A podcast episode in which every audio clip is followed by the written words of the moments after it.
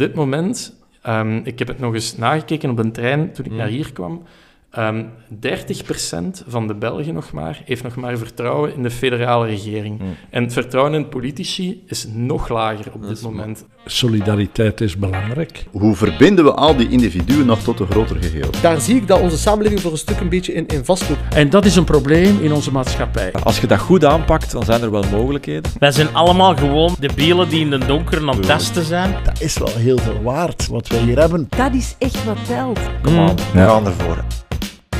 Welkom bij een nieuwe aflevering van Discours met de Boys. We zitten hier vandaag met Ben Eersels, CEO van de G1000. Welkom. Dank u, dank u. Voordat we beginnen... Oh, dat was een mooie. Gaan we eerst een uh, chingetje doen met de whisky. Inderdaad. Voilà, voilà. Ooit Ooit al eens...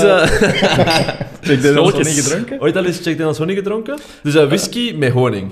Ik vermoed dat dat ehm, tijdens een uitgaansavond links of rechts wel eens ge- gepasseerd zal zijn. Ah, ja. maar het is al even geleden, dus eh, ik ben benieuwd. Smaken. alright. Daar zijn we Ehm, alvast van. Nee, goed. Misschien gewoon even beginnen. Wij beginnen Ja, met niet te lang misschien over kort. uitgaan. De G1000 Ja. in een notendop.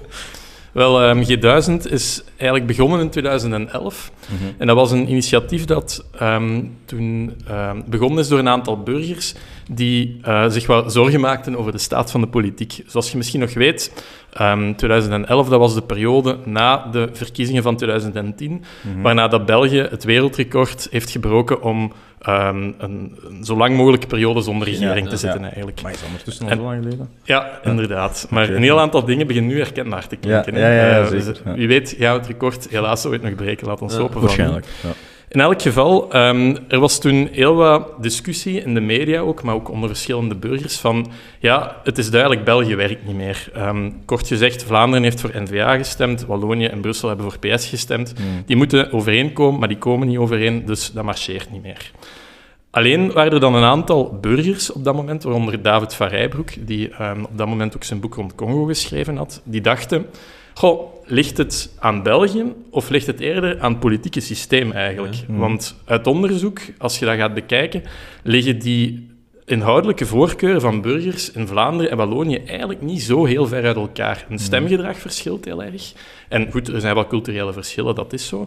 Maar als dat die inhoudelijke voorkeuren niet zo ver uit elkaar liggen, dan zou dat toch nog mogelijk moeten zijn om tot een akkoord Dus, te om komen. gewoon heel even kort... Ik weet dat je nog eh, midden van uitleg zijn, maar is dat eigenlijk wel dat de ideologie van de Vlaming en de Waal, als we zoiets al kunnen benoemen, ehm, wel eerder veel, veel meer gelijkend is dan het vandaag ehm, blijkt? Uit alle onderzoeken stellen we inderdaad vast dat ehm, dat, dat niet zo heel erg uit elkaar ligt. Want het lijkt vandaag wel zo. Ja. hè? Allee, ik bedoel, Ja. Als je gewoon de standaard media leest, om het zo te zeggen, Ja. dan is dat bijna Maar ja, dat de is- enige conclusie waar dat je toe kunt komen.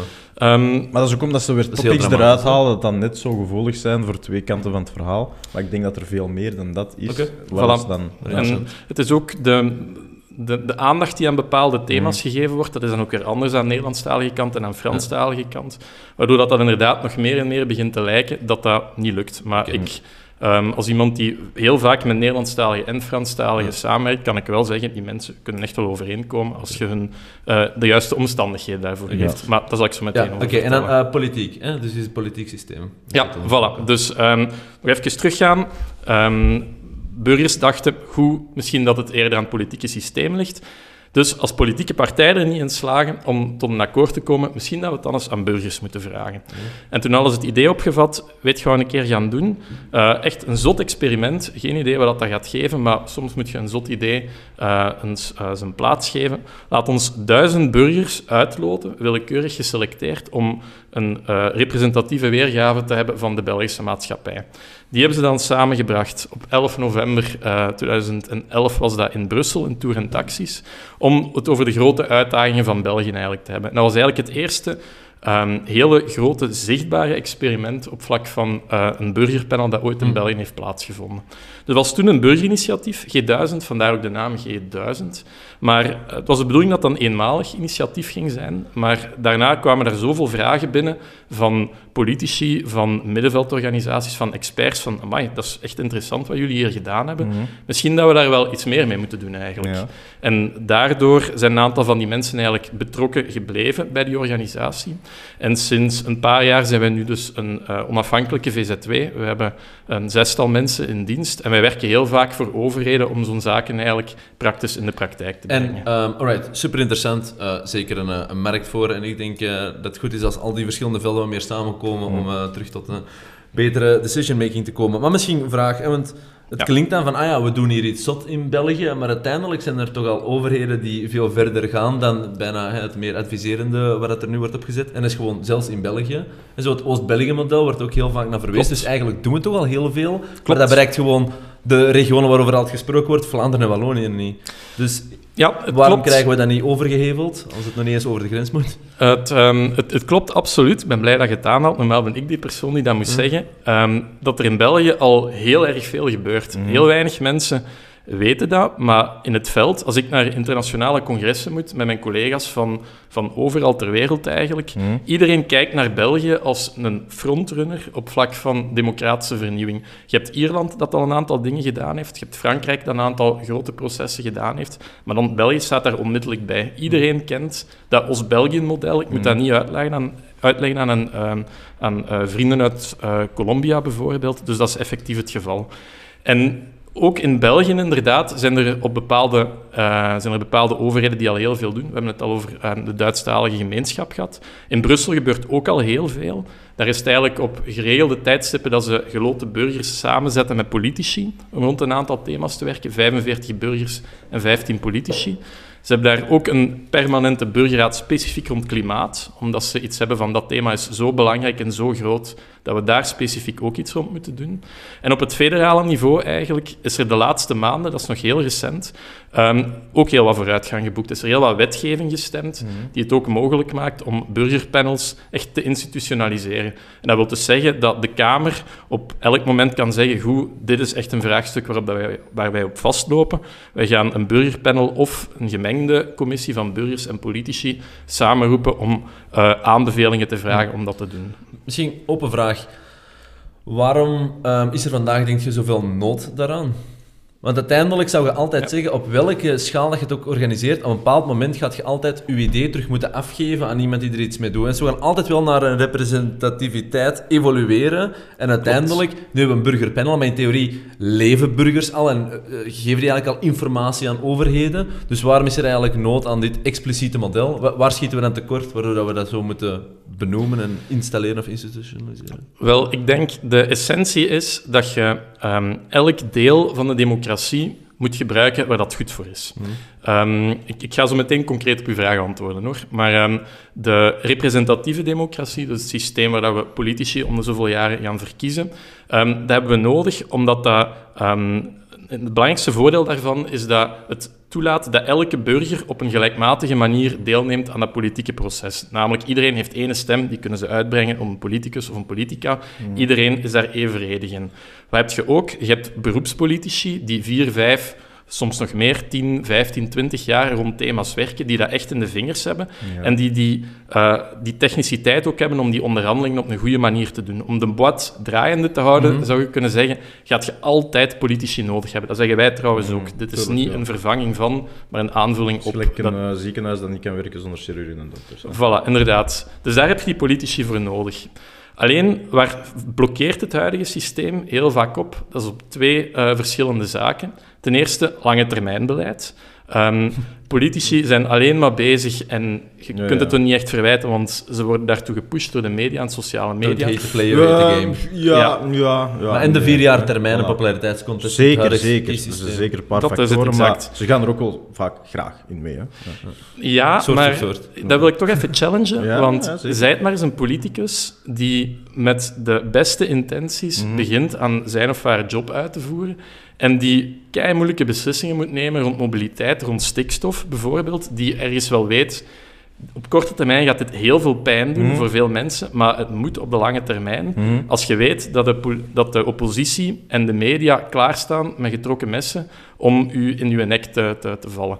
Dat is nu eenmaal zo, maar dat maakt het dan ook niet makkelijker om die lange termijn beslissingen te nemen. Nee, zeker, En net daar zijn burgerpanels juist heel goed in, die lange termijn beslissingen. Okay. Gebruik geen burgerpanels voor de crisis en de crisettes van deze mm. dag op te lossen. Dat heeft geen zin Ehm, mensen moeten kunnen nadenken, ehm, moeten op een lange termijn kunnen nadenken over verschillende beleidsthema's heen. Dat is het voordeel van burgers, die moeten geen rekening houden met vakjes en bevoegdheden enzovoort. Dus laat burgers dat doen, daar zijn ze heel goed in. Ehm, maar laat politici vooral bezig zijn met de wat eigenlijk Maar draaien. eigenlijk zegt je dan dat je impact veel meer ideologisch is dan. Allee, eh, dat is misschien niet het juiste woord, maar wel eerder een visie neerzetten dan, een, dan komen tot praktische oplossingen. Het is eerder sturen, richten, of, of zie ik dat fout? Of, Het, het gaat nog ietsje verder, denk ik. Ik denk, er zijn burgerpanels heel goed in. Dat is inderdaad moeilijke politieke beslissingen nemen. En dat heeft te maken met visie, eh, maar dat heeft ook te maken met een aantal trade-offs eigenlijk die worden afgewogen. Om u één voorbeeld te geven, we hebben nu pas... Het is eigenlijk nog iets dat bezig is. We hebben een, groot project rond de hervorming van de partijfinanciering gedaan. Dus de financiering die politieke partijen krijgen en wat ze daarmee mogen doen. En daar waren een aantal politieke beslissingen die genomen moesten worden. Namelijk, ehm, hoeveel geld geeft je aan die politieke partijen? Hoe verdeelt je dat tussen die verschillende politieke partijen? Moeten er überhaupt ehm, grenzen zijn aan wat ze daarmee moeten doen? Een aantal, het liberale principe, zogezegd, zou zeggen, nee, dat is een, een strategische keuze voor elke partij om zelf in te vullen wat ze daarmee kunnen doen.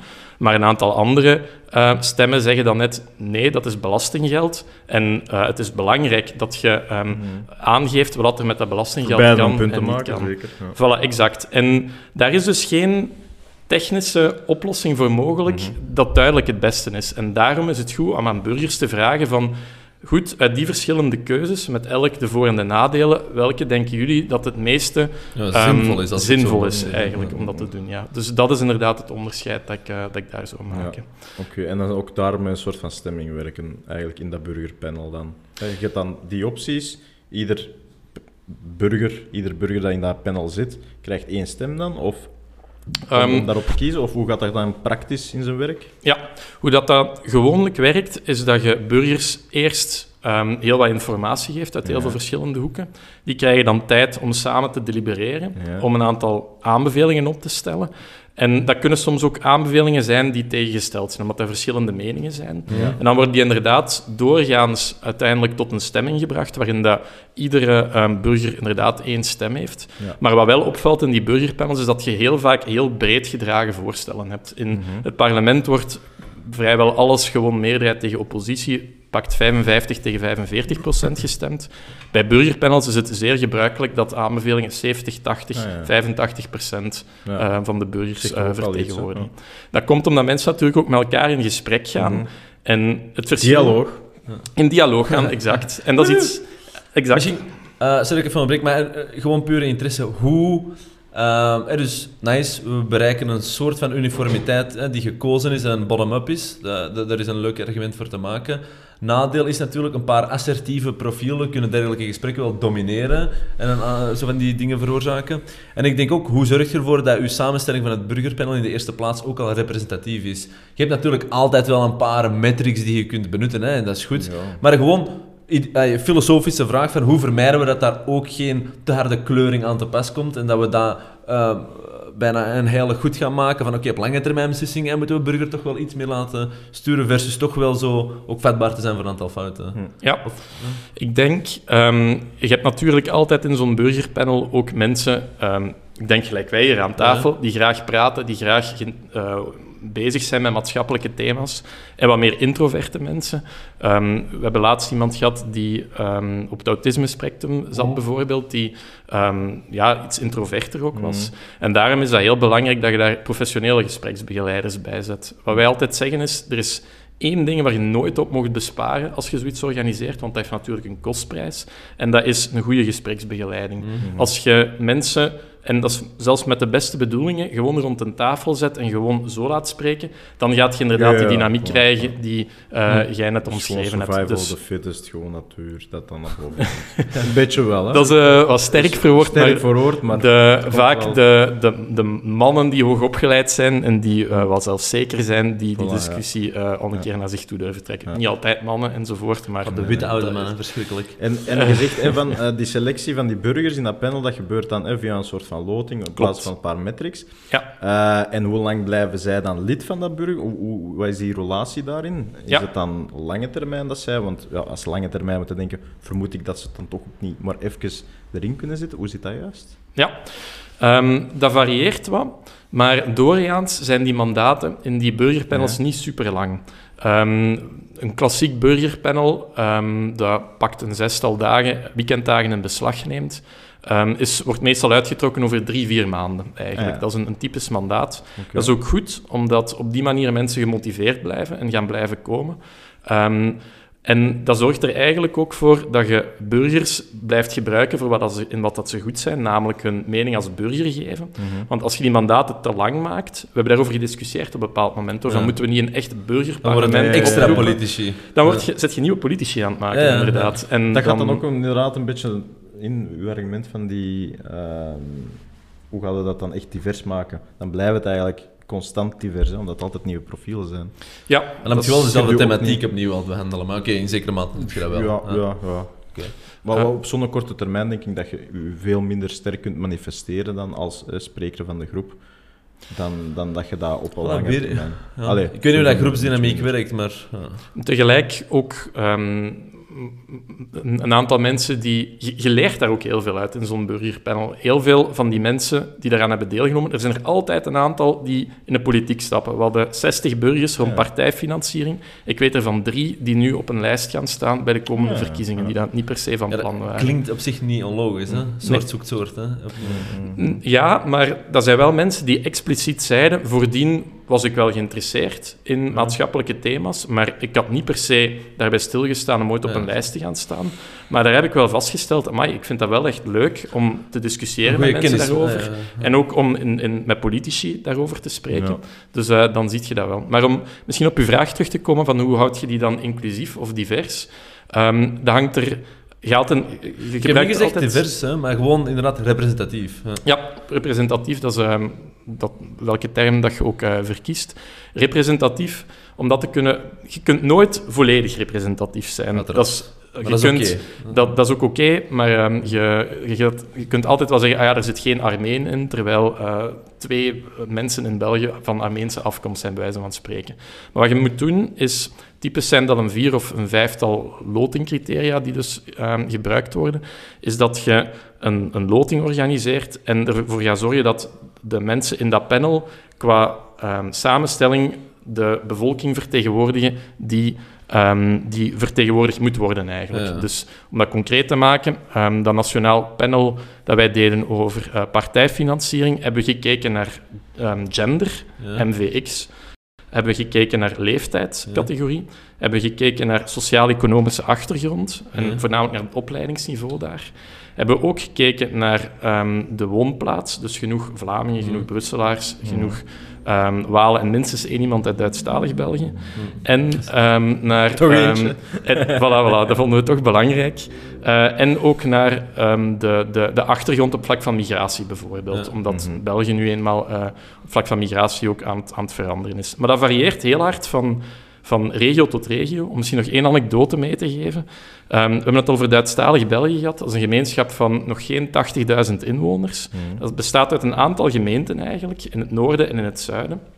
En de criteria die ze daar gebruiken zijn dus leeftijd, gender, eh, sociaal-economische achtergrond ook, maar dus ook of ze uit het noorden of het zuiden van Duitsstalig België komen. Omdat, we hebben dat vastgesteld toen dat we dat proces aan het uittekenen waren, zeiden mensen uit die regio, ik kom uit het noorden, ik heb moeite met iemand te vertrouwen die uit het zuiden komt.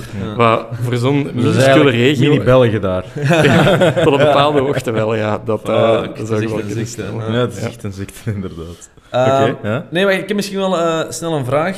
Ehm, Niet zo snel precies. ja, representatief. Ja, dus dat vind ik ook, wel- ook wel interessant, want eh, dat klinkt altijd zo, zo goed, hè. Maar ik denk, je kunt dat ook snel op flessen trekken door bijvoorbeeld... eh, want het kan ook, denk ik, lokaler worden gecreëerd, burgerpanels, dan enkel voor het nationale of een Ja. bepaalde regionaliteit. Dus stel nu, we doen dat in een keirijke gemeente en we moeten een aantal superbelangrijke beslissingen nemen over een aantal financiële regels. Ik maak het heel specifiek, zover Ja, is het ja, ja. vandaag niet. Maar, en die demografie van die keirijke gemeenten heeft 70% inkomens boven iets dat keirijk is, om het heel simpel te maken. Ja. Per definitie is het op dat moment heel representatief. Als daar zeven ehm, rijken zitten en drie minder rijken, om het zo te zeggen. Maar alle beslissingen gaan dan wel in hun voordeel vallen, want die gaan tot een uniformiteit komen van 70% rond die regels. Dus is in dit geval een representativiteit ook geen gevaar voor een self-fulfilling prophecy te creëren met die burgerpanels? Ehm, er is, ik heb een dubbel antwoord op die vraag. Eh, ten eerste wil ik even challengen dat mensen per definitie altijd aanbevelingen formuleren die altijd enkel of voornamelijk op hun eigen gericht zijn. Dat is niet per se het geval. Heel die processen zijn net gericht op collectieve intelligentie te, ehm, te, te, ehm, zo goed mogelijk te gebruiken, maar ook om een soort van ja, dat klinkt wel wollig, maar het is wel zo'n soort van empathie te ontwikkelen voor andere mensen hun standpunten. Dus het is niet per se dat als er 70% rijke mensen en 30% ehm, eh, minder rijke mensen zijn, dat die aanbevelingen dat ook zullen weerspiegelen. Dat hangt echt af van, van de manier waarop dat er informatie en die dingen Uiteraard, hè, maar ik bedoel, ik heb al Maar- vrij zwart-wit gevraagd. Voilà, dus, maar om, om, het klopt wel dat je ehm, bij de samenstelling daar, en van dat hele proces daar heel erg op moet letten. Ehm, nu wordt het even technisch, maar ehm, sommige burgerpanels die overcompenseren een aantal groepen om net zwakkere stemmen meer aan het woord te laten. Ik ben daar niet per se een voorstander van, omdat je daarmee de legitimiteit van dat hele proces in het gedrang brengt. En bon, iets meer naar ehm, arme mensen luisteren. Veel mensen zullen daar zogezegd een voorstander voor zijn, maar dat zijn altijd wel keuzes. Ja, welke groep trekt je voor ten opzichte van welke groep? Dus ik zou dat niet doen.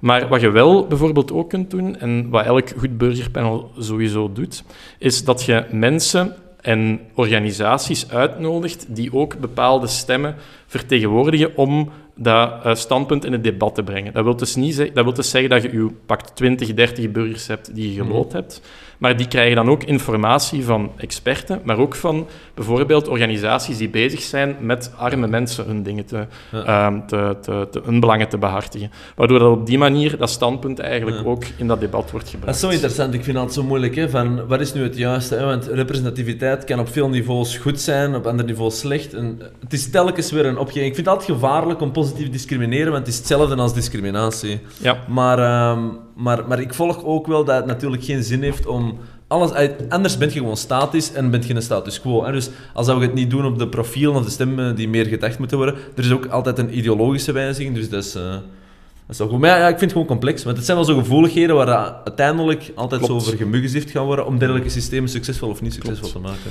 Representativiteit is inderdaad een, een, een heel ehm, belangrijke, maar ook een heel zware term. Legitimiteit ook. En de essentie eigenlijk van heel ehm, die, die, die, die deliberatieve democratie, die burgerpanels, is dat je net ehm, representativiteit toevoegt aan het systeem. Met andere woorden, je behoudt de representativiteit en de legitimiteit van het systeem dat er al is, van verkozen politici. Die blijven daar zitten die hebben vaak ook de eindverantwoordelijkheid om die beslissingen daar wel om die beslissing te nemen en daar iets mee te doen. Maar je voegt extra legitimiteit toe, omdat je een veel ehm, diverser of een representatiever, zou je kunnen zeggen, een, een betere afspiegeling hebt, dat is eigenlijk het juiste woord dat wij meestal gebruiken, hebt van de bevolking.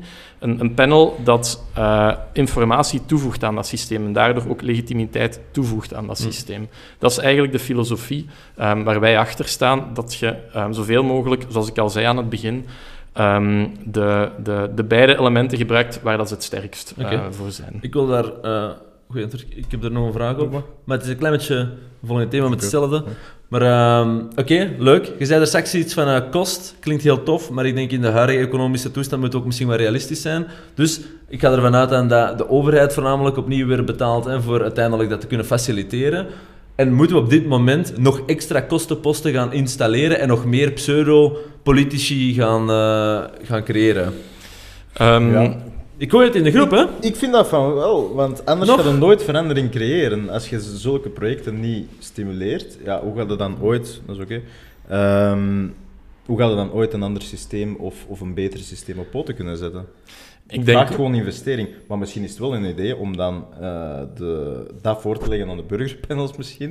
Om te, om, om te Ja, maar die gaan ja kijk, stemmen. Dat moet hier gefinancierd worden. Hoe, waar gaan we die financiën halen? Misschien kunnen we dat een stuk uit, wat dat er nu naar de, naar de overheid en naar de politiek momenteel gaat. Misschien kunnen we dat daarmee Ah, de partijfinanciering. Voilà, de partijfinanciering inderdaad een beetje naar, naar zulke initiatieven gaan Oh, dat is eigenlijk verschuiven. Want eh, overlaatst was het in het nieuws, ik weet niet meer welk bedrag, maar zo'n pa- paar bedragen van advertentiebudgetten van politieke partijen die echt wel Bij de hoogste van Europa zitten. monsterlijk waren, voor inderdaad dan nog eens zo'n klein landje. Ik denk dat daar wel wat te halen valt. Voor die, voor die zaken dan. Ja. Ik vind, dat, ik vind dat zeker een interessante piste. Maar, ehm, en het, het klopt, dat heeft zijn kostprijs. Hmm. Maar goed, de democratie heeft ook zijn kostprijs. Ik denk, elke verkiezingen... het is eh, misschien goedkoper om eh, een autocraat te hebben die heel snel beslissingen neemt. Je hebt korte en lange termijn hier. Dus, Eh, voilà, maar ik denk dat je op langere termijn wel tegen een aantal problemen zou kunnen aanlopen. Maar ehm, dat heeft inderdaad zijn kostprijs. Ik ben geneigd om te zeggen, goed, maar wat krijg je ervoor terug? Is wel een beleid dat veel breder gedragen is, dat ook ehm, hopelijk, ehm, als, die, die, ehm, als die zaken meer en meer echt overal toegepast worden, ook ervoor zorgen dat het vertrouwen in het politieke systeem eh, over de hele lijn toeneemt, ook in politici trouwens. Dus dan denk ik dat dat wel een zinvolle investering is om dat te doen. Opvolgvraag. Wat zou het uiteindelijk vervangen? Want nog een element toevoegen, los van de kosten nu, hè, eh, maar ben ik wel geen fan van. Want bureaucratisch België heeft niet nood aan nog een extra advies- of beslissingslaag. hè. Want binnenkort wordt dit, wordt dit ook Nee, een checkbox. Hè? Ah, je hebt Dus een wetsvoorstel, vervanging van, ja. dat heeft x impact, dus hier moet een burgerpanel zijn. Oké, hup, weer x aantal k voor het organiseren en klaar. En je wilt niet dat dat daarna verdwijnt. Dus per definitie moet dat een rol innemen in de laag en een aantal andere lagen zullen moeten uitfaseren dan. En moet dit Ja. deels in de plaats komen. Je kunt niet ja. nog een kenniscentrum Nee, nee. er bovenop Nee. plaatsen. Nee. Wel? Ik, ehm, het, klopt, wel, hè? het klopt absoluut dat eh, het, het, onze governance of Ja. ons bestuurlijk landschap al super ehm, Divers is. Divers is. En zeker in. België. Zeker in, complex, voilà, dat is het woord. Zeker in een land als België. Het is alsof dat je een, eh, een, een, een huis hebt dat al volledig uitgetekend is. En dan moet je opeens op de benedenverdieping nog een keuken ergens gaan bijzetten. Maar dat huis staat eigenlijk al vol. Dus dat is absoluut eh, een heel complexe zaak. Ehm, ik denk dat het... ehm, ik, ik ben het met jullie eens dat we daarmee moeten opletten. En eh, dat is een, een bredere uitdaging in België. ehm, dat we nog meer koterijen gaan bijcreëren. Net omdat dat het heel belangrijk is dat die burgerpanels aansluiten op andere beleidsprocessen. Anders gaan dat praatbarakken worden. Dan gaan die burgers daar eh, drie, vier, vijf weekends rond aanbevelingen zitten werken, die dan ergens op een bureau van een politicus belanden, die eigenlijk al verder zit in zijn of haar werk. Dat kan absoluut niet de bedoeling zijn. Vandaar dat we inderdaad, denk ik, gaan moeten kijken van welke processen bestaan er al. Ehm, de Senaat eh, is, een, is, een interessant, eh, is een interessante piste. We hebben dat gebouw nu toch. We hebben dat personeel nu toch. Shout-out dat daar naar zit. Stefanie. Inderdaad, dat is een eh, interessant voorstel van eh, Stefanie Dozen. Laat ons daar iets nuttig mee doen, in plaats van die Senaat, ehm, ehm, met alle respect, nog wat verder te laten reflecteren en verslagjes schrijven die helaas maar eh, heel weinig eh, eh, in de pap te Ja, maar pas op. hebben. Het laatste wat je nu net zei, kun je ook misschien toepassen op de burgerpanels. Hè? Dat is ook maar een verslagje waar dat misschien uiteindelijk... Ja, maar dat is iets nieuws en dat kan groeien. En dat andere is meer in de, Ja, in de andere richting.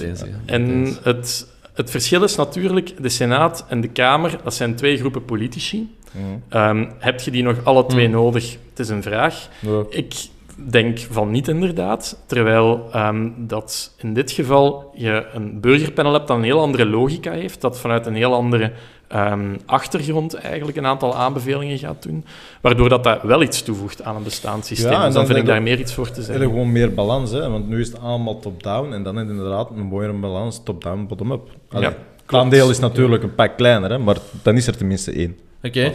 Dus va. En misschien eh, ga ik hier nu in eh, conspiracy theory eh, ehm, luik maar. gaan. Maar, eh, maar ik heb van horen zeggen dat Zwitserland wel een tikkeltje beter is en toch een full democracy heeft. Ehm, tenzij dat de informatie die mij bereikt heel verdacht is, wat natuurlijk altijd kan. Dus ik vraag mij dan ook af van waarom moet bij ons, niet per se om het zo lokaal te houden, maar hè, we moeten allemaal dingen bespreken, vervangen, schuiven, et cetera, et cetera. Maar nog steeds scoren we lager dan andere landen op, hè, democracy. Dus in zekere mate, waarom proberen we niet een aantal van hun modellen te kopiëren? En ik, ik heb er al over nagedacht. Ik weet niet exact hoe dat Zwitserland werkt, want daarvoor ben ik te dom. En dat is met die kantonen en dat is iets lokaler nog. Dat is wat ik er voornamelijk uit, meer, eh, uit meekrijg, dat het toch nog iets dichter bij de politiek staat, de burger. Maar eh, ik vraag mij dan af, is dat ook iets heel cultureels? Zijn er soms gewoon praktische Absoluut. systemen die praktisch, ja, dat is beter, maar cultureel krijgen we het gewoon niet geïnstalleerd of Waar zit zo... Ja, er is geen vraag, maar... Absoluut. Er- ik denk dat cultuur een, een, een, een element is dat, dat zeker meespeelt. Enfin, ik, het, is, het is natuurlijk, Ja. zoals altijd, heel complex. Ehm, ik denk dat Zwitserland is, is... Ik ben ook geen expert ter zake, Nee, nee. maar ik begrijp wel dat dat een nog veel ehm, regionaal georganiseerdere staat is dan bij ons. Het federale niveau doet daar nog minder dan bij ons. En bij ons heb je een aantal bevoegdheden die bijna dubbel lopen. En waar dat, ehm, herinner u de, de COVID-crisis? Hoeveel ministers van Gezondheid hebben we weer samengebracht op een bepaald moment? Eh, op vlak van klimaat heb je hetzelfde probleem. Ehm, dat, dat is- heeft enorme coördinatieproblemen. En ik denk dat dat op Zwitser, in Zwitserland beter geregeld is. Ik zeg niet dat per se ehm, delegatie naar het regionale niveau de oplossing is, maar wel dat er een duidelijke ehm, ehm, eh, afspraken zijn over wie dat wat doet. En dat Eh, is denk ik bij ons. Voilà, inderdaad. Ja. Oh ja, ja. Dus dat speelt inderdaad een rol. Maar je haalt net het element van cultuur aan. Ja. Vaak wordt Zwitserland gezegd, ah, daar gebruiken ze al die referenda. Dat is, dat is misschien ook een interessante manier om mee te werken. En dat is ook, dat is ook zo. Ehm, je hebt daar een, een, een cultuur in Zwitserland waarin dat men dat al... Ik, ik ben historicus van opleiding, ehm, waar dat men dat al decennia, zelfs nog veel langer eigenlijk, doet. Men is daar gewoon om ehm, niet alleen te gaan stemmen op politieke partijen. De opkomstcijfers bij verkiezingen zijn redelijk laag, bijvoorbeeld, in Zwitserland. Maar dat is ook omdat burgers weten, ah, als er iets is dat ik echt belangrijk vind, dan gaat er binnenkort wel een referendum over georganiseerd worden en dan kan ik daar mijn mening over Oké, gaan ik wil daar Dus heel, er heel eigenlijk veel bij stilstaan. Oh ja, ik, dat, is, dat is het meest maffe dat ik eigenlijk ooit heb gehoord. Ik wist niet dat dat een link was die je kon leggen. De opkomstcijfers zijn laag door het vertrouwen in het systeem. Bij ons hebben we het vaak over opkomstplicht en dan hebben we heel veel bang dat heel het systeem kapot gaat en dat niet iedereen meer gaat opkomen. En in Zwitserland is dan... hier is ook gewoon dat oordeel- vertrouwen. Eh, Oké, Nu, ik- dat denk- anders kijken naar hetzelfde. Klopt. Nu, ik denk dat dat ook wel eens een probleem met zich meebrengt. hoor. Uiteraard. Want, uiteraard. Maar niks ehm, is zwart of wit, dat zeggen we niet. Maar het is interessant Voilà. om soms even eens dingen te belichten, hoe dat wij altijd in ons eigen denken, in ons eigen ratje zitten en dat er toch dingen anders gebeuren ook. Ja, klopt. Dat is, dat is zeker het geval. Nu, ehm, ik, ik ben persoonlijk een, een voorstander van opkomstplicht, nog altijd Ja, wel. Ehm, omdat ik... eh, ik- Hendrik Bogaert heeft daar ooit een heel mooi citaat rond gedaan. Het is niet omdat eh, de, je de uitslag niet interessant vindt of niet leuk vindt, dat je de thermometer moet weggooien. En ik denk dat dat helemaal klopt op vlak van, eh, van verkiezingen. Ehm, want het probleem dat je natuurlijk hebt als je lage opkomstcijfers hebt, is dat je je dan echt de vraag kunt stellen van... Goed, 40% is niet atypisch qua opkomst ehm, bij bepaalde verkiezingen. In Nederland voor de lokale verkiezingen, een tijdje geleden bijvoorbeeld. Dus dat is super, super laag. Als je dan een meerderheid hebt die 50, 55% van de bevolking ehm, eh, vertegenwoordigt, ja, wie vertegenwoordigen die mensen dan uiteindelijk nog, dat bestuur? Dus ehm, dat is wel wel degelijk iets om, eh, om, om voorop te letten. Maar goed, je ziet inderdaad wel in Zwitserland dat er een heel andere politieke cultuur is. Dus niet alleen gericht op dat stemmen, maar ook op eh, referenda, inderdaad, die regelmatig En plaatsvinden. die referenda, is dat dan niet iets tof om, om te kopiëren naar hier? Want oké, ze zijn dat inderdaad al gewoon voor, voor, voor tientallen jaren of langer. Maar ja, je moet ergens beginnen. Hè. Daar is het ook niet, is niet altijd geweest. Hè. Dus daar is het ook gewoon. En nu, omdat ze het gewoon zijn, zitten ze nu in dit systeem. Dat is dan de lange termijn denken. Mhm. Waarom beginnen we hier niet mee? Want dat wordt vaak neergesabeld door te zeggen dat maakt de moeilijke kwets- kwesties te veel zwart-wit, ja of nee. Dat is het eerste argument dat Ja. vaker op tegenkomt. Maar klopt dat Ja. dan wel? Dat klopt tot op bepaalde hoogte, denk ik. Ehm, ehm, heel wat thema's. Ik, ik zie bijvoorbeeld niet Sommige in dingen zijn om, ook maar... hè. om. Klopt, maar ik zie bijvoorbeeld niet in rond klimaatbeleid hoe dat je dat in een referendum zou Nee, kunnen gieten. Wat wel een interessante piste zou kunnen zijn, is dat je. onderdelen van een ehm, klimaatreferendum wel. Hè. Dat je dat bijvoorbeeld doet, inderdaad. Of dat je ehm, nog iets meer, die zijn voor de nuance, dus dat je iets meer nuance toelaat door een, een preferendum te doen. Met de, Mhm. de P dus van papa Ja. er nog voor. Wat is het verschil? Dat is eigenlijk een verrijkt referendum. Dus in plaats van één vraagstelling waar dat mensen ja of nee op kunnen Mhm. antwoorden, kunnen mensen zeggen helemaal akkoord, eh, Nee, ja, redelijk akkoord van- ja, en zo ja, verder ja. enzovoort. En binnenkort En- van 0 tot 10. Ja. Bijvoorbeeld. Of dat er ook een aantal vragen worden voorgelegd met een klein beetje kadering daar rond. ja. In een ideale situatie zou zo'n preferendum voorbereid worden door een burgerpanel eigenlijk. Mm. Want op die manier heb je een, een groep geïnteresseerd... eh, In theorie zijn dat goede vragen eigenlijk, hè, een goede vraag kunnen Ah wel, formuleren. want er is altijd enorm veel discussie over Exact. hoe moet de Ja. vraagstelling nu zijn. Ja. Rond de brexit, eh, ik herinner me nu niet van buiten, maar die was heel complex geformuleerd eigenlijk. Ehm, je merkt, sommige vragen die worden, zijn al een beetje Oh ja, sturend. ja, die hebben een bias, hè? Voilà, sowieso, inderdaad. ja, ja. En als je dat door een burgerpanel laat opstellen, dan heeft dat wel een legitimiteit. Ja. En bovendien zou je dan ook eh, kunnen aangeven van kijk, dat burgerpanel heeft ook rond dat thema gewerkt. Zij Mhm. hebben die voorstellen gedaan, die vijf aanbevelingen Ja. bijvoorbeeld, om die redenen. Zijn jullie het daarmee eens of niet mee eens? Ja, ja, ja, ja, ja. Dus, of, of helemaal mee eens en zover. En Ik vind het super interessant. Ik ga gewoon aan Tangent Hole gaan en gewoon heel deze conversatie even naar een ander universum werpen. En dat is, wij zijn heel vaak, of nee, ik zal ik de vorm gebruiken, maar ik vind het heel interessant om eh, een argument te maken waarom het huidige kiesysteem van de particratie ook haar eh, eh, limieten kent. Voor de, En- voor de podcast. Hè. Ah, en, een van, en een van de dingen die... Toch beland. Was- kan ik volgen. Maar, en een van de dingen dat ik daar altijd zeg is van, goh, waarom moeten we altijd voor persoon... Er is een heel goed argument om uiteindelijk toch voor eh, partijen te gaan en voor personen. Maar heel even dat loslatend, waarom moeten we altijd voor partijen, en dus ook maar zeven ideologieën stemmen, een aantal personen, waarom kunnen we niet op thema's stemmen? Maar een van de eerste problemen waar ik altijd opbots als ik dat iets of wat testbaar wil maken, dan is dat thema, wat zijn de thema's en wat zijn de vragen waarop dat je kunt stemmen? Want dat bepaalt eigenlijk al heel veel. Maar eigenlijk Maar dat kan nu... die burgerpanel Ah, eigenlijk wel... Nu hebben we eigenlijk geconcludeerd ja. dat het wel een, een legitimiteit, zou, eh, legitimiteit, legitimiteit zou kunnen hebben, dat woord ga ik nooit nog gebruiken, ehm, om wel te komen tot een aantal thema's en vragen daaromtrent. Ja. Ja, En dan kun je daarop kiezen. Stap 1 is bereikt, na 150 afleveringen. Ja, ja, ja, inderdaad. Hey, maar nee, dat hebben we nog nooit beantwoord mee, gekregen, hè? wel mee, ben wel mee, ja. Oké, we doen later wel de rest, maar... en om, om even Ja? in de rol van vragensteller te kruipen, ehm, hoe zou je dat dan doen? Dus je hebt dan verschillende thema's. Ah, wel, dus het zou Klimaat. interessant zijn... In plaats van Partijen bl- blijven en personen blijven ook. Je Ja. moet niet naïef zijn, maar je stemt, anders, maar- je stemt sure. bijvoorbeeld op 10 of 20 ehm,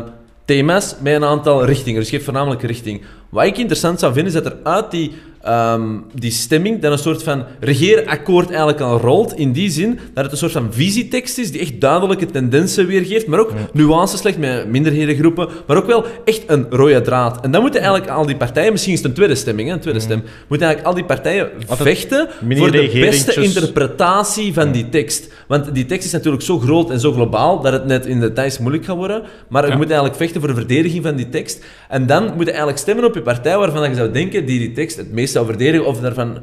Andere dynamiek gewoon. Ja. Ik- het is nog niet volledig doordacht. Zie je, zie je het misschien als een regering per thema, per 20 thema's? Ja, zo kunnen we het Zoiets, opstellen. ja. In plaats van dat we dan gewoon een kleur kiezen en voilà, hangt Voilà. ineens vast aan duizend Ja, dus thema's. Waarbij ik zeg, veel partijen hebben soms goede argumenten, soms Ja. slechte argumenten. Dat Klaar. thema, dat is die partij, dat thema, dat doet die partij, dat, en zo. Zo zelfs. Ja. Dus dan zou je eigenlijk hebben dat... Ik zeg Of maar iets samen, misschien nog beter is wat je eigenlijk zei. Per thema een partij kiezen. Misschien is dat een Ja. goede tussenfase. Of, of twee partijen, dat dan... Ja, nee, nee, stop, je hebt een goed idee. Dat is een goed idee, samenwerken. dat is een Ja, Ja, Niet sorry. gaan. Dus dan zou je... Wat is uw mening? Dus eh, dan, dan zou je hebben, dat ik het zeker ben dat ik het goed begrijp, rond mobiliteit zou je dan kunnen hebben dat je bijvoorbeeld een, een conservatieve coalitie hebt eigenlijk, Ja. omdat daar de, de conservatieve partijen het Ja. beter rond gedaan hebben. Terwijl rond klimaat, dat, ehm, dat er dan een, een progressieve coalitie zou kunnen Ja. zijn, omdat zij het dan beter dat verkocht Ja. zouden En kunnen dan ook wel zoiets eh, zoals gewoon economie of begroting. Hè. Moet je op Ja. orde zijn, moet je even door durven investeren, moet je conservatief zijn. En uiteindelijk gaat dat wel de puzzel. Je kunt niet alles doen, maar dan voelde, dan ligt er zo meer een, een richting vast. Maar iedereen heeft daar wel nuances in kunnen leggen. Ja. Ehm, en dat is ook interessant, want we schilderen heel vaak mensen of individuen of ideologieën af als één iets, als één dimensie. Maar er zijn veel meer dimensies. Ik ben misschien op een bepaald thema rechts, op een ander thema links, op een ander thema Centrum. ja.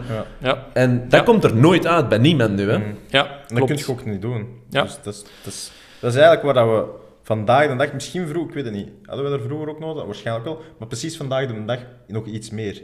Die diversiteit in de beslissingsmaking. En nu kun je het maar op één ding doen. Maar democratie is ook nog een jonge vorm die nog moet ja, maar er komt vernieuwen. zoveel bij. Was er vroeger klimaat? Nee. Was er vroeger... Vroeger was er een monarchie en aristocratie die Ja, ja, heel veel maar mensen vroeger, pesten. vroeger. Maar... Heb ik het natuurlijk niet over honderd jaar. Ik geef het over tien. Ja, ik, Nee, eh, nee, je overvalt me een beetje met de vraag, maar het is, eh, het is, het is een, ik vind het wel een interessante denkpiste om na te denken, want dat is eigenlijk de bredere vraag van hoe kun je ervoor zorgen dat je een, een groep politici hebt die wel nog samen kan werken en die het land wel kan Mhm. besturen, maar dat je burgers eigenlijk ook meer ehm, nuance kunt laten bieden door op inhoudelijke voorstellen te stemmen. Mhm. Dat is ja. eigenlijk de, de middenweg die jullie zoeken. En in exact. die zin... Plus, iedereen kan zijn forte uitspelen.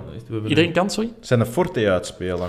Ja, ja, ja. Ik denk dat, ehm, los van hoe dat je het concreet invult, dat Ja. er voor die twee zeker iets, iets te zeggen valt. Je zou, ik kan me inbeelden dat je op ehm, verkiezingsdag dat je naar de stembus gaat, inderdaad. En dat je dan stemt voor een partij, misschien in het algemeen tot bepaalde hoogte. Het is een, een beetje anders dan wat jullie zeggen, maar Mhm. Ja, dat is hoe dat ik het begrijp. Ja, sure. En dat je daarnaast een, ik zeg maar iets, een, een lijst van twintigtal voorstellen of thema's hebt, waar dat je ook een positionering in Mhm. inneemt, die dan meegenomen moet worden. eh, Oh tot ja, ja, dat is dan de vraag. Wat is het? Het zal starten denk- weer bij een advies. Ja. Maar ik denk dat toch wel iets... Ja. Ik denk dat dat iets zou zeggen gewoon. Ik, ik, ja, klopt. En ik denk dat dat zelfs eigenlijk ehm, niet zo ver afstaat van die logica van burgerpanels, omdat je daar eigenlijk ook altijd één thema eruit neemt, met één vraagstelling eigenlijk, waar dat je mensen ook rond samenbrengt, los van eh, op wie dat ze gestemd hebben, dat doet er dan niet toe.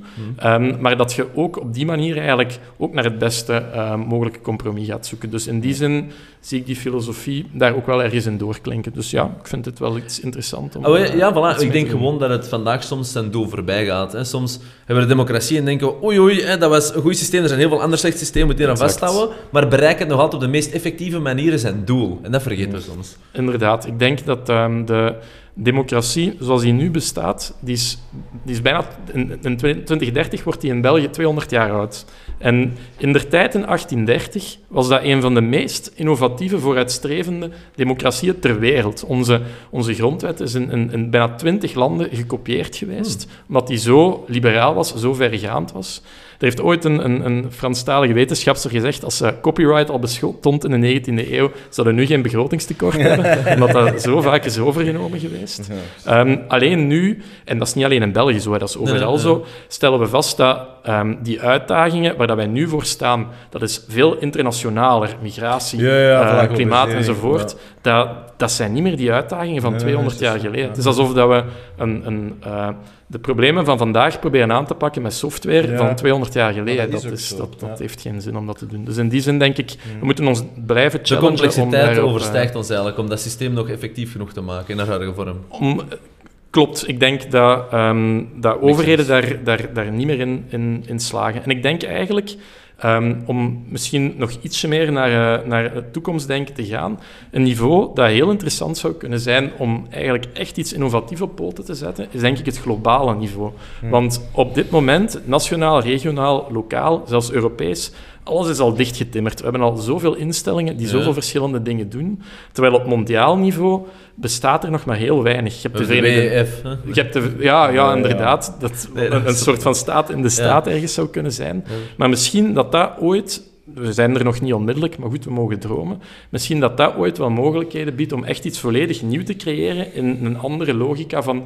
Goed, in 2030, 35, met de situatie waar we nu staan, hoe gaan we nu van op een wit papier eens iets creëren dat ehm, echt de uitdagingen waar dat we nu voor staan... Maar dat snap Ja. ik niet. Dat vind ik, dat Ah, wel, echt dat- een wereldalliantie wilt je stellen dat zich verenigt in één beslissingsinstrument. Ik kan mij inbeelden, opnieuw, hoe dat, dat er juist praktisch Nee, uit maar we moet mogen zien, daar, filosoferen, eh, daar, heb ja. ik, daar heb ik geen... Daar heb ik, dat zie ik ook nog niet onmiddellijk, maar er zijn duidelijk een aantal thema's die echt mondiaal zijn. Nee, nee, daarmee ben ik het eens. en- Maar is de oplossing om die slim te behandelen dan per se er een centraal iets van maken? Dan ben ik fan van gedecentraliseerde units die moeten leren samenwerken, veel eerder dan het centraliseren. Omdat ik... Hoe ziet je nu wel met Europa gegeven toch ook wel een beetje in ontwikkeling? Oké, dat is nog niet mondiaal, maar dat is al wel meer een, een stap van, een- van... Wat is dat dan? Vierde van de wereld, misschien? Dat is, Mhm. dat is al iets meer dan, dan allemaal landjes aparte. Dus ik denk dat we deze zeker... Dat gaat nog, als dat er ooit komt, zoveel jaren duren. Maar ik denk dat we daar al wel naartoe aan het gaan zijn, heel stilletjes. Maar wat ik nog wou eh, in vraag stellen, is van... Moeten we dan altijd moeten we dan opnieuw beginnen van een wit papier? Of waarschijnlijk nu wel, omdat die 200 jaar, ik heb het nu even dan over België, die grondwet, eigenlijk nooit een update heeft gehad. Hè? Als we het dan in termen van die software spreken. Is dat niet beter om, om de... Of elk jaar gewoon, elke keer altijd een beetje die grondwet Maar dat doen we, dat te zijn geven? wetten. Ja, ja, oké. En de grondwet wijzigt maar- soms ook en wetten. de Dus ik denk- grondwet inderdaad niet echt. Ja. Of ook het taalgebruik daar. Als je dat gaat lezen, dan gaan we nog altijd het taalgebruik van, eh, van toen lezen dat dan ook weer verandert. Dus in, in al die opzichten zijn we daar misschien wat laks in geweest, met dat niet bij te houden. Maar dat is modernisering van uw rechtsstaat. Dat is niet zozeer vernieuwing Nee. van democratie, denk ik. Ik, Ja, ook, ehm, ja, die, die grondwet is ook inderdaad daar een, een belangrijk instrument voor. Ehm, maar het is nu eenmaal heel complex en moeilijk om een grondwet te veranderen. Omdat je niet alleen die tweederde meerderheid Mhm. nodig hebt, maar ook omdat je eigenlijk over twee legislaturen heen moet gaan. Deze Mhm. legislatuur moeten de artikels open verklaard worden, waarin een volgende legislatuur een, een hervorming kan gebeuren. En die Mhm. transitie maakt het extra moeilijk om die grondwet aan te passen. Maar misschien kunnen ze dat ook vereenvoudigen. Of dan komt dat misschien democratie iets meer in het gedrang. Dat is inderdaad het risico, want dan loop je het risico... Ze hebben dat net zo moeilijk gemaakt om te vermijden Ja, ja. dat er ooit één heel grote ehm, partij aan de macht zou komen, of, of twee, die ehm, van hun momentum gebruik maken om eerst alles te kunnen omdraaien. Ja, ja, ja. En dat zijn de checks en balances die ze op die manier daar, hebben, daar hebben En die zijn nog steeds goed, Ehm, dat in uw opinie? ik ben geen grondwetspecialist, Nee. maar ik denk dat systeem dat eh, er niet zomaar één partij opeens kan opkomen die zomaar direct het systeem kan Ja, uitrollen, daar ben ik gelukkig nog heel blij mee. Ehm, we zien in Europa eh, dat, dat, dat we daar toch tegen wat problemen kunnen aanlopen. Mhm. Ook in, in Turkije bijvoorbeeld, maar ook in, in Polen en Hongarije, ehm, dat, dat, dat we daar echt mee moeten opletten. Dus dat systeem is zeker goed. Maar dat het zeer goed zou zijn als we onze grondwet een keer grondig onder handen Mhm. zouden nemen. Maar dat waarschijnlijk En wel. eh, dat een keer zouden moeten herschrijven, daar ben ik het natuurlijk helemaal mee. Ja, Nu- wel, maar daarom is het zo van, moet dat dan om de 200 jaar gebeuren? En zit het eigenlijk voor zo'n opdracht dat eigenlijk quasi onmogelijk is. Dat is een, een Nee, draad dat- van kabeltjes dat je er niet uiteen krijgt. Ik ben het, ik In ben het plaats daar van niet dat mee dan zo eens. wat beta bij Nee, te houden. nee, want sommige Ja, dingen. Moeten echt een bepaalde... Sta de status quo mocht je nooit onderschatten. En het ding is, Mhm. we leven op elk moment bijna in de totaalsom van alle collectieve mensenkennis ooit opgebouwd. En dat is de conclusie daarvan. Dus dat wil zeggen, de mens bestaat 300.000 jaar. Dit is Ja. eigenlijk het resultaat van 300.000 jaar evolutie. En als je dat dan om de 50 jaar nog eens bekijkt, dan is dat goed. Waarmee dat ik wil zeggen, dergelijke systemen evolueren heel traag met een heel goede Ja, reden. de, de wereld evolueert goed. niet altijd op dezelfde snelheid. Hè? Dat Nee, nee, waar, nee, maar en we moeten durven evolueren. Maar ik weet niet of dat je nu zomaar in zo'n tijd zoals nu, wanneer er dan weer een breekpunt is met het nieuwe en het oude, dat je dan moet concluderen dat dat sneller moet gaan. En dat dit breekpunt een heel goed organisch proces is, waarin dat we dat moeten Ik durven doorpakken. sneller, hè? Maar, Ik zeg gewoon onderhouden. ja, maar onderhouden, ja, incrementeel gaan niet bij zo'n dergelijke... ik, weet, ja, ik weet ook niet of dat, Het systeem het moet antwoord is. Hè? Ik stel het gaan, gewoon in vraag. verbeteren, breken, nieuw en beter. En dat is de evolutie van systemen. En eh, democratische vernieuwing zijn zo van die kleine dingetjes bijduwen, maar uiteindelijk is dat ook wel met de visie van een, een ander systeem Ja, misschien- dat misschien- meer het doel heiligt van het huidige systeem. Ik denk inderdaad, dat is de, de eeuwige discussie. Je hebt ook binnen het veld van democratische vernieuwing heb je de activisten die zeggen eh, we moeten volledig opnieuw beginnen. Ehm, de, er moeten burgerpanels zouden heel het land moeten besturen, bij wijze van spreken. We schaffen Dat is politici af. extreem dan. Ik ben daar geen voorstander van. Ja. En je hebt inderdaad de reformisten die zeggen: goed, laten we, ehm, laten we eh, stukje bij beetje dingetjes gaan doen. En laten we beginnen met eh, burgerpanels enkel binnen een adviserende rol een aantal Mhm. zaken laten doen. Ehm, ik zit daar wel in het midden ja. tussen. Ik denk dat ehm, het heel destabiliserend kan zijn om te snel te willen gaan, Mm, inderdaad. Maar het klopt wel dat er een. Ehm, Hebben we nog stabiliteit? Uh, voilà. Maar ik, Dat is een ehm, beetje de vraag. Hè? Het is een goed moment om nog eens na te denken over ah, wel. Dat maar wel. echt, dat Want, is de eh, als, als essentie. dat de enigste reden is van, om het stabiel te houden, maar als het niet meer stabiel is, dan kun je Maar dat het beter wel doen. Hè? Dat zijn Ja, dat is inderdaad de essentie, want op dit moment, ehm, ik heb het nog eens nagekeken op een trein toen ik Mm. naar hier kwam, ehm 30% van de Belgen nog maar, heeft nog maar vertrouwen in de federale regering. Mm. En het vertrouwen in politici is nog lager op Dat dit moment. Dat is echt... En wat is een normaal, wat is een normaal cijfer? 100% zal dat nooit zijn. Wat is een... ehm, Een ja, dat hangt natuurlijk meerderheid van... zeker. Hè? ja. Dat, dat, hangt, ja, dat hangt ervan af van hoe dat je dat interpreteert natuurlijk. Maar wat je wel ziet, is dat sinds man. 2005, 2006, dat dat stelselmatig eigenlijk naar Ja, ja. beneden is beginnen gaan. Sinds en dat dat heel 2005. moeilijk om dat... eh, Maar dat is bijna het enige wat ons nog allemaal verbindt. Het wantrouwen in het systeem, als je het zo moet noemen. Is Ja, en daaruit links, gaat dan rechts, het midden, onder, ontstaan, boven. ja, iedereen ja, heeft er is een ander argument voor, maar iedereen denkt oei oei. Wat uit België samen, de Rode Duivels, frieten, ehm, het Koningshuis een Maar ja, klein dan is beetje. weer corona, dan mogen ze geen rode duivel spelen, dan is die cohesie ook alweer weg. Voilà, voilà, inderdaad. Misschien één ding waar ik wel nog grappig van wil terugkeren, en dat is wel dat gegeven van dat mondiale. Ik weet niet echt wat je visie erover is, misschien moet je ze geven, maar ik denk, oh wow, niet doen. Dat is mijn eerste reflex. Het tweede is dat elk systeem dat te veel macht heeft, wordt op een bepaald moment autoritair. Dus per definitie gaat je daar per ongeluk altijd 100% zeker belanden. De vraag is niet if, it's when. Dus ik denk wel, mondiale samenwerking 100%, dat spreekt voor zich, maar economie faciliteert dat eigenlijk al. Net zoals Europa en Amerika. En wij kunnen, Europa is heel gekend om maar eh, wetgeving rond een aantal zaken. Klimaat zijn ook een heel goed ding van. Desondanks dat alle maatregelen die wij nemen zeer beperkte impact hebben op het klimaat, heel direct, omdat we maar een klein deel zijn van de wereld. Ehm, het merendeel is eigenlijk in andere landen, vaak ook omdat we daar naar outsourcen voor onze fellere processen. Maar het komt er wel op neer, doordat wij een aantal wetgevingen stellen en een economische ja, macht nog steeds zijn, of dat we dat blijven, dat is een heel ander gegeven, maakt het wel dat we andere landen bijvoorbeeld op een gezonde manier dwingen ehm, om eigenlijk mee te gaan in die gedachtenstroom, zonder dat er een mondiale afspraak moet zijn. Want qua competitiviteit houdt iedereen ook wel scherp.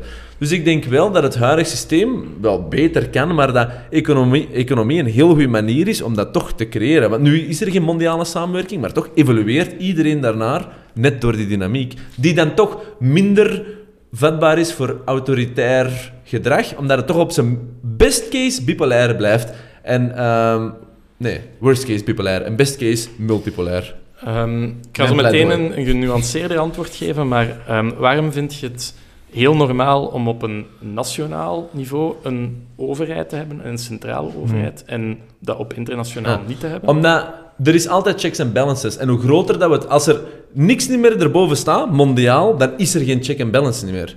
Mhm. En als je nu die wereldstaten hebt, op welk niveau dat ze ook georganiseerd zijn, en ook BRICS-landen in het Westen, hè, dus het begint wel vrij bipolair te worden. Hè. Maar ehm, dan heb je tenminste die twee die elkaar proberen te hebben. En anders is er nog maar één, en niemand Ja. controleert die één. Voor de duidelijkheid, ik ben ook geen Waar. voorstander van een eh, gecentraliseerde ehm, globale wereldstaat. En ik denk, mijn, mijn belangrijkste argument daarvoor is dat ehm, je op dat moment problemen gaat hebben met mensen die zich vertegenwoordigd gaan voelen. Omdat mensen op dit moment, niet iedereen is zo, maar mensen voelen zich doorgaans eerder verbonden met hun nationale nationaliteit dan met het feit België dat zo. wereldburger... eh, heel goed, heel goed eh, punt, inderdaad. Bij België is dat inderdaad minder het geval, daarom dat ik zei algemeen. Ja, ja, wel.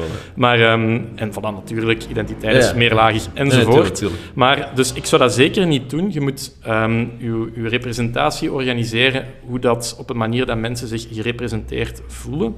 Maar tegelijk stel ik wel vast ehm, dat er een aantal ehm, beleidsprocessen zijn die wij, wereld, die wij op dit moment nationaal niet georganiseerd krijgen. Uiteraard, je Op het moet... vlak van, je, haalde net ehm, het, het voorbeeld aan van de gemondialiseerde economie, en dat klopt. Maar een van de grote nadelen van dat kapitalisme, dat ons ontegensprekelijk ook Mhm. veel gebracht heeft, is dat dat de milieukosten bijvoorbeeld compleet geoutsourced heeft. Ja, En maar dat is de externaliteiten niet goed meenemen in de economie. Dat is eerder een fout in een slim economisch model dan dat het per se een fout is van geld. Hè. Je zou kunnen redeneren, maar dat is dan de discussie natuurlijk, dat het aan een overheid is om de checks en balances aan te brengen om dat economische systeem Nee, te laten 100%, functioneren. want zelfs de meest slimme econoom ever gaat nooit pleiten voor 100% vrije markt. De markt Voilà. moet een beetje getemd worden. Voilà. Maar... Dus voor de duidelijkheid, ik pleit niet voor een eh, gecentraliseerde wereldstaat of een Mhm. burgerpanel of, of whatever. Maar ik denk wel dat het goed zou zijn dat er rond een aantal thema's ehm, regelmatig wel wereldwijde ehm overleg... We gaan moeten eh, samenwerken, hè. voilà, georganiseerd tuurlijk. gaan worden, Tuurlijk. Een waar beetje- daar wel beetje veel meer beslissingen uit gaan komen dan dat op dit moment het geval is. hè. Universele rechten van de mens. Gewoon dat, dat is een aspect, maar dan op veel andere thema's ook. Ehm, Maar Bijvoorbeeld, maar als je nu bijvoorbeeld kijkt op vlak naar... ehm, ik, ik kom er vaak op terug, maar ehm, dat is omdat dat makkelijk is, omdat daar veel eh, rond gepraat wordt, rond klimaatbeleid. Als je nu kijkt naar de manier waarop dat, dat nu georganiseerd wordt, is dat heel erg nog uit vanuit de individuele Ja, ja, ja. wil van die nationale overheden, en Europa weliswaar, om een aantal maatregelen al dan niet te nemen. En goed, die houden elkaar dan ergens wel scherp, maar dat zorgt ervoor dat je inderdaad dat probleem hebt, wat je ook al eerder hebt aangehaald, dat de big players veel meer te zeggen hebben dan de smaller players. ja, en ik denk Wat bij de... mij geen eerlijk systeem lijkt. Ja, sorry, Ehm, ik ben wel goed in onderbreken nee, soms. doe maar. Ehm, maar eh, inderdaad, in de Europese Unie, ehm, weliswaar, voelt je nu al wel een tendens hoe dat sommige beslissingen naar eh, gevoel en representatief gevoel, waarover hij spreekt, wel toch al neigen naar, oké, dit is goed, democratisch, of dit is autoritair. En wie dat er gelijk heeft, maakt me niet echt uit in dit geval. Dus ik moet wel zeggen, je merkt al hoe snel dat het gevoel van representativiteit verloren gaat. Hè? Lokaal merk je eigenlijk niet zo hard. Of valt dat wel goed mee? En dan heb je al bijvoorbeeld eh, gewesten, België gaat wel snel. En dan hebben we al de Europese Unie, laat staan de wereld. Dus ik denk wel dat het, eh, dat het complex is. Tot waar voelt iemand zich representatief? Tot waar kan de burger eigenlijk mee? Want ik vond het wel cool klinken, mondiaal burgerpanel. Ik wil er wel deel van zijn. Maar, ehm, maar is zo van, hoe breng je al die lagen samen? En uiteindelijk is het toch altijd, ja, al die belangen die elkaar checks en balances houden. Dus je hebt volgens mij wel al die Mhm. verschillende lagen opnieuw altijd nodig omdat ja, altijd een outsourcing is. Van- op dit moment, om u één concreet voorbeeld te geven, ehm, er is al een Global Assembly georganiseerd geweest rond klimaatbeleid bijvoorbeeld.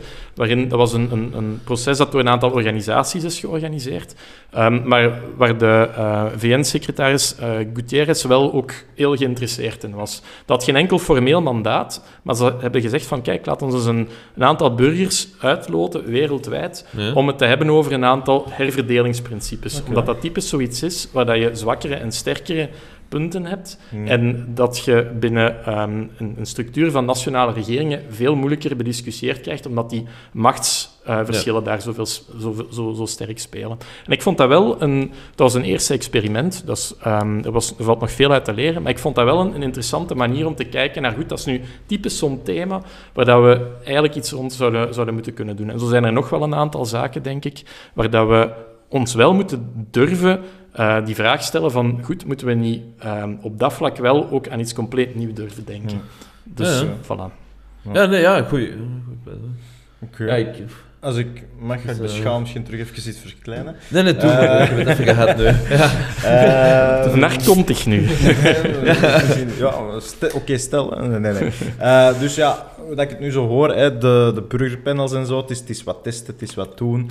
Ehm, als je nu zo de visie over de komende 10, misschien 20 jaar, ehm, voor het, wat, wat zijn de verwachtingen daar? Hoe, hoe gaat het evolueren? Ja. Ja. Ik denk dat ehm, de, de situatie waar we naartoe moeten, is dat ehm, die zaken normaal worden. Dus dat men eigenlijk, en daarmee bedoel ik dat ehm, mensen weten op dit moment min of meer wat dat een, een betrouwbare verkiezing is en wat dat, dat niet is. Mensen weten als ik ga stemmen en, eh, ik, en er staan allemaal computers langs mij waar ik kan meekijken wat, wat de andere aan het doen is, dat is geen goede stemming. Het zou goed zijn als ze dat rond burgerpanels ook weten, dat mensen daar meer en meer aan, aan hebben deelgenomen. Wij hebben, om dat concreet te maken, hebben wij ons voorgenomen als G1000, tegen 2030 willen wij dat 1 miljoen Belgen uitgeloot zijn geweest om Ah, ja. aan zo'n burgerpanel deel te. Dat is echt heel veel. Hè. En is dat... op dit moment zitten we, denk ik, rond de 300.000. Wow, maar dat is- Moment. Ja. dat is Ja. eigenlijk vrij veel. Ja. Waarom lees is- ik daar wat- niks over? Wat is daar zo wat de opkomstratio? Ehm, je bedoelt van de mensen die... eh, uitge- Omdat je niet beboet kunt worden? worden op dit moment, zeker. Ja, voilà, er zijn geen sancties, dus... dat klopt, er tegen, Democratische vernieuwing. Komen er eigenlijk mensen, want er zijn geen sancties.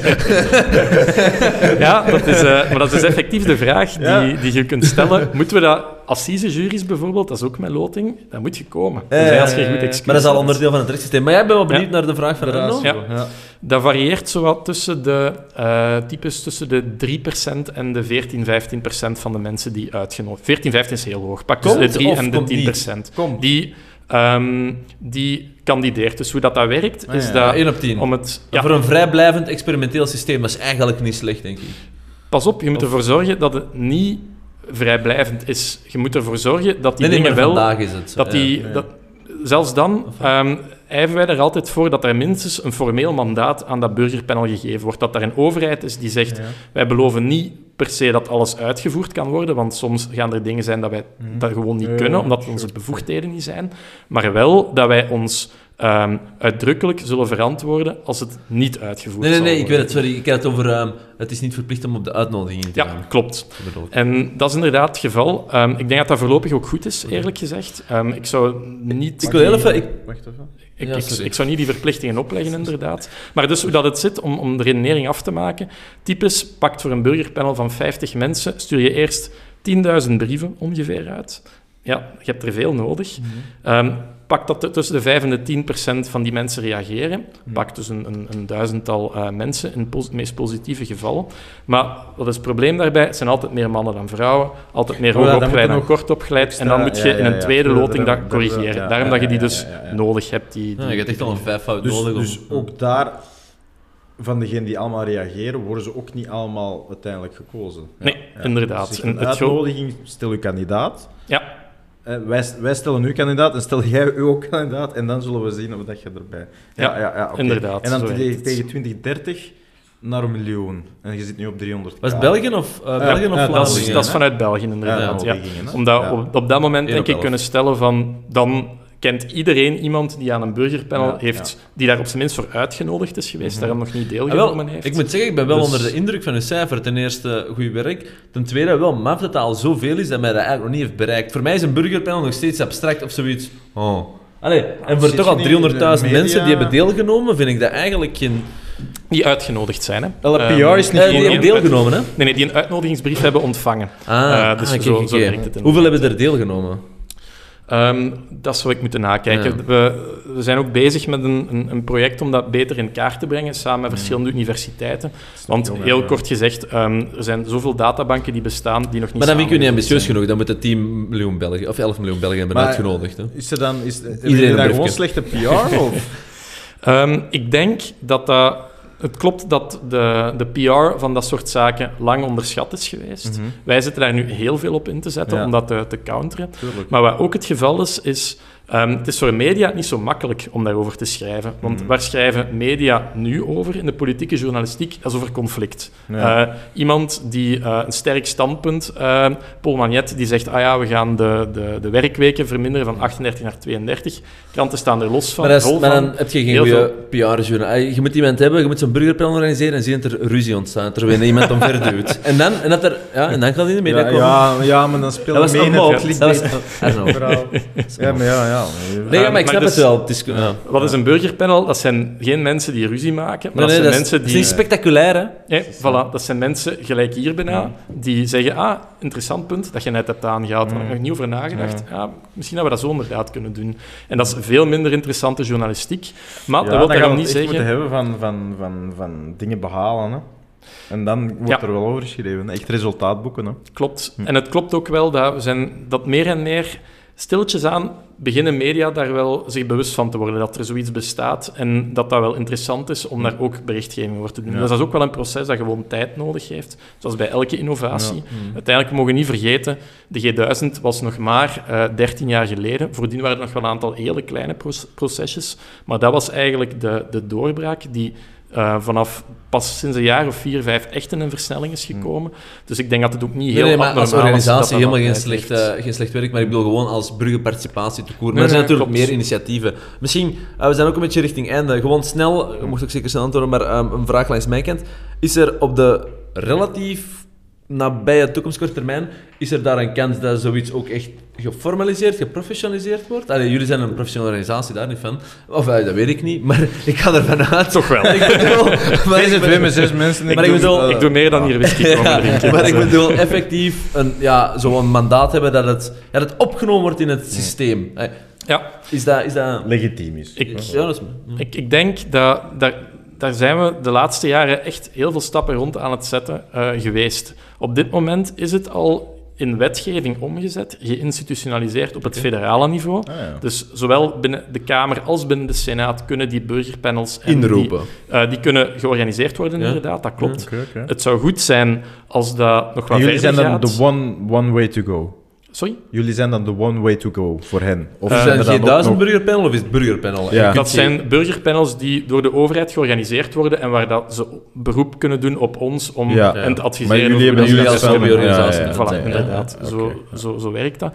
In Brussel is het ook geïnstitutionaliseerd, in Duitsstalige België ook, in, op het Waalse niveau ook. Dus er zijn heel veel belangrijke stappen gezet. Ja. Dat wil niet zeggen dat we er al zijn. Nee, nee. Er zijn een het is op aantal- het initiatief van de politiek. Nu wil je eigenlijk dat het, eh, Ja, het ik- initiatief omdraait. Ja, er zijn een aantal dingen die nog moeten gebeuren, denk ik. Eh, ten eerste moeten we ervoor zorgen dat die aanbevelingen beter overgenomen worden door de politiek. Want het gebeurt nog te vaak dat eh, aanbevelingen ofwel buiten de bevoegdheden vallen, of dat die dan juist niet op het juiste moment terechtkomen in Het die wordt niet doorgepakt. Het wordt niet, door, dat wordt niet doorgepakt. Dat moeten we inderdaad zien te vermijden.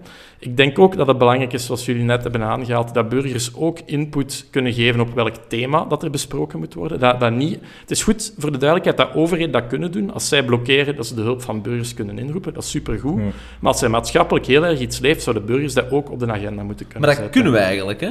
Maar niet een burgerpanel, hè? maar met een x-aantal handtekeningen moet dat verplicht behandeld worden. Ja, Maar dat is, dat is eigenlijk misschien een van die democratische vernieuwingen, oud systeem nog, dat we misschien Ja. nog eens mogen herbekijken. Ja, dat is Maar- met alle respect is goed dat het Ja. bestaat, maar wat er dan gebeurt is dat de. Kamer zich moet uitspreken daarover, dat daar een keer over gebabbeld wordt en dat is het enige engagement Dat genomen voetnoot. wordt. Ja. Dat is Ja. een, het is goed dat dat bestaat, maar voilà, dat, Ah, daar zouden ze verder in moeten gaan. En nog een ander ding wat interessant zou kunnen zijn, is ehm, dat de, de omkadering eigenlijk verbetert. Op dit moment moeten burgerpanels altijd in het weekend georganiseerd worden, Hmm. omdat mensen tijd moeten kunnen hebben om dat te gaan doen. Het zou bijvoorbeeld heel goed zijn, en op dit moment ligt daar ook wetgeving in de commissie voor voor, maar ik weet niet of dat die gestemd gaat geraken, dat mensen vrijaf kunnen nemen op hun werk om deel te kunnen nemen aan zo'n burgerpanel. Wat niet zo vreemd is, want voor een assisejury heb je dat Ja. per definitie ook. Maar voor een Maar in theorie zouden meer burgerpanels hebben dan een assisejury. Hè? Dus daar is het meer een marginaal iets, om het zo te zeggen. Of komt gewoon veel minder voor, en in dit geval meer. Maar ja, Interessant ja. model. Ik vind het kostenmodel is weer complex, maar ik vind het wel goed. Dan gaat de opkomst sowieso, ai, de deelname sowieso weer stijgen. Dat En- wel, maar dan gaat ook misschien kwalitatief iets uit- achteruit gaan voor mensen dat dat dan misschien gaan bekijken als een extra congédag of eh, ontsnapping van het werk of zo. Ja, Ik maar assise wordt ook zo niet bekeken. Maar ja, oké, dat is ook een ander soort Ja, eh, ja. proces. Ik ben daar wel positiever over eigenlijk. Ik moet Ja, zeggen, ik weet het die, niet. Het mensen valkuil, die... voilà. Ik, ik begrijp de opmerking, maar ik moet zeggen, ik, ik heb er inmiddels al heel wat gedaan. Eens als die mensen daar zijn, die nemen hun werk ongelooflijk serieus op. Dat laatste debat dat wij georganiseerd hadden, dat laatste weekend viel tijdens de Ramadan en de laatste zondag was op Moedertjesdag. En het was goed weer buiten. Dus wij dachten, oei, gaan mensen niet liever naar een barbecue willen gaan dan bij ons in een stoffige vergaderzaal aanbeveling over je partijfinanciering? Een buitenvergadering, gelijk dat ze op school deden. Voilà, voilà, voilà, inderdaad. Maar dingen, ja. 57 van die 60 waren dus nog altijd daar. Ja. Dus mensen nemen dat ongelooflijk serieus op om dat te kunnen Ja. doen. Dus ik heb daar minder Nice. schrik voor eerlijk Ja, een gezegd. beetje Nee, burger, inderdaad. En ze geven dan inderdaad een weekenddag op. burgerschap. Voilà, Dus, ja, inderdaad. ja, Misschien nog een, een eh, finale vraag. Allemaal heel tof. Maar ehm, de gemiddelde burger, de gemiddelde mens, ik vind daar niet zoveel van, net zoals iedereen, want dat is de definitie van de gemiddelde mens. En die gaan nu deelnemen aan het burgerpanel. Mijn eh, vraag, ehm, is iedereen eh, kwalitatief genoeg om daaraan deel ja, te nemen? hebben we er juist behandeld. Met, met, met gewoon de representativiteit en sociaal-economische achtergrond. En het gaan niet allemaal gemiddelde mensen zijn. Hè. Nee, nee, nee, nee, ik bedoel, ehm, ja, Het gewoon... een scala van zijn. Hè.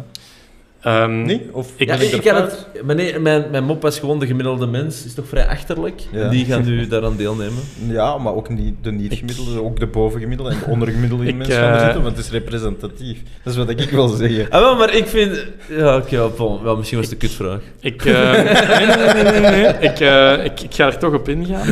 Iedereen heeft Mooi, wel een mooi. buur die er nog niet in slaagt om zijn vuilnisbak op het juiste moment buiten te Mhm. zetten. Dus je hebt wellicht iets van, oei, moet die mens nu daar in een burgerpanel gaan werken rond, dat speciale Mhm. thema, rond die speciale thematiek? Maar ten eerste, zoals ik al gezegd heb, die mensen krijgen heel veel informatie en dat komt echt wel goed, trust me. Ten tweede, ik wil het graag even omdraaien. Als we denken, oei, is iedereen wel goed genoeg om aan zo'n burgerpanel deel te nemen? Iedereen is wel goed genoeg om te stemmen op politieke partijen heb over zoveel over. mogelijke thema's. Dus als we daar schrik voor hebben, dan moeten we misschien nog meer schrik hebben voor dat ding dat Dus we daar hebben, moeten we dat we de verkiezingen noemen. Ehm, ja, ik zou alle macht gewoon aan, aan ons drie geven. En, eh, Nee, nee. dat, eh, nee, nee, nee. Laten we dat vooral niet doen. Nee, ik, ehm, ik, als mensen de juiste omkadering krijgen, kunnen die allemaal ongelooflijke eh, dingen doen. Dat klinkt wollig, maar Ja. ik, ik stel het keer op keer vast in de praktijk. En dat is ook omdat niet iedereen zit daar... eh, dat is niet jij en ik die daar zitten en alles moeten oplossen, Nee, maar je zit nee, daar nee. met 60 om elkaar te helpen. Ja, dat is veel, En daardoor kom je gewoon op veel nieuwe ideeën uit. uitnodiging naar ons. Nee, eh, dat is niet echt de bedoeling, vrees ik. Maar eh, wie Allee, weet, we wachten het dan. Hè, ja. als we ons werk goed doen, zou het moeten lukken dat eh, iemand Ja, van jullie binnenkort 1 op toch... eh, 7 hè, tegen 2030 ongeveer. nee, nee, nee, 1 op 11. 1 op 11 Ja, ja, inderdaad. dat- Ah, Ehm, en er zijn al 300.000 gepasseerd, er maar 700.000 over. Maar, ehm, doet leven. goed, anyway. Komt nog wel. Hè. Interessant Ehm, gesprek. Zeker, ja. Ik weet niet, het gaat om een finale Nee. vraag? Oké. Eh, ja, Ben, het was eh, een super interessant gesprek. Dank, eh, dank voor de toelichting. Ja, zeker. Ja, op zich, ik ben keihard fan. Hè. Ik hoop dat Sowieso, burgerparticipatie tout court, hè. panel is een deel van participatie als burger. Hè. Dus Klopt. ik hoop gewoon het, eh, het bredere gegeven van burgerparticipatie, dat terug wat meer aan enthousiasme mag winnen. Absoluut. En een relevant perspectief Maar om het na de verkiezingen zal er toch weer een nog grotere noodzaak naartoe zijn. Dus alleen maar goed voor jullie, denk ik dan. Ja, want... eh, denk het Ehm, ook. Ah, we, we doen dat vanaf nu tijdens de verkiezingen. Dat is onze verkiezingsvraag. Gaat de polarisatie in de komende zes maanden toenemen of afnemen? Wat is jouw voorspelling? Iedereen gaat zeggen toenemen. Dat is een kerst. Dus eh, de, de makkelijkste vraag van vandaag. Ik vrees dat die gaat toenemen. Ehm, maar goed, eh, Eigenlijk is dat schrijnend dat iedereen ja, toenemen. daarop Iedereen weet het, hè. natuurlijk. nu, Maar hoe, gra- Zo hoe grappig is dat iedereen een antwoord? Dat kan toch niet, want dan draagt iedereen erop. Ja. nu, goed, de standpunten moeten duidelijk zijn. Dat is helaas dan maar zo. Maar zolang dat we achteraf dan wel nog kunnen, eh, na de ruzie overeen kunnen komen om af en toe een regeerakkoord te Dat sluiten. is de vraag dan, hè. Ja, eh, helderheid of breken we het record. impliceren dat het andere mensen eh, in kanten schuift. En dat je zegt, hè, het moet scherp zijn, maar Mhm. helder. Als ik dingen helder zeg, moet ik daarom niet per se andere zaken benadelen. Hè. Er is een, Dat is het. die dat communicatieve het. vorm kan nog steeds anders. Ik ben het daar ook niet mee eens, inderdaad. Met sommige mensen zeggen, ja, die polarisatie en dat conflict is nu eenmaal nodig om eh, de standpunten duidelijk te maken. Maar ik denk dat je dat ook perfect op een manier kunt doen. Ja, die persoonlijke aanvallen. is. Je kunt Voilà. perfect je idee duidelijk maken zonder iemand persoonlijk, persoonlijk aan te vallen. Ja, dat is Voilà. Het is onderdeel Zeker. ervan. Ja, ja, ja. Alright. Ben, dank u. Veel Super succes. interessant. Dankjewel. En, Initiatief. benieuwd. Tot later. Vooral. Yes, succes. Dikke merci. Hey.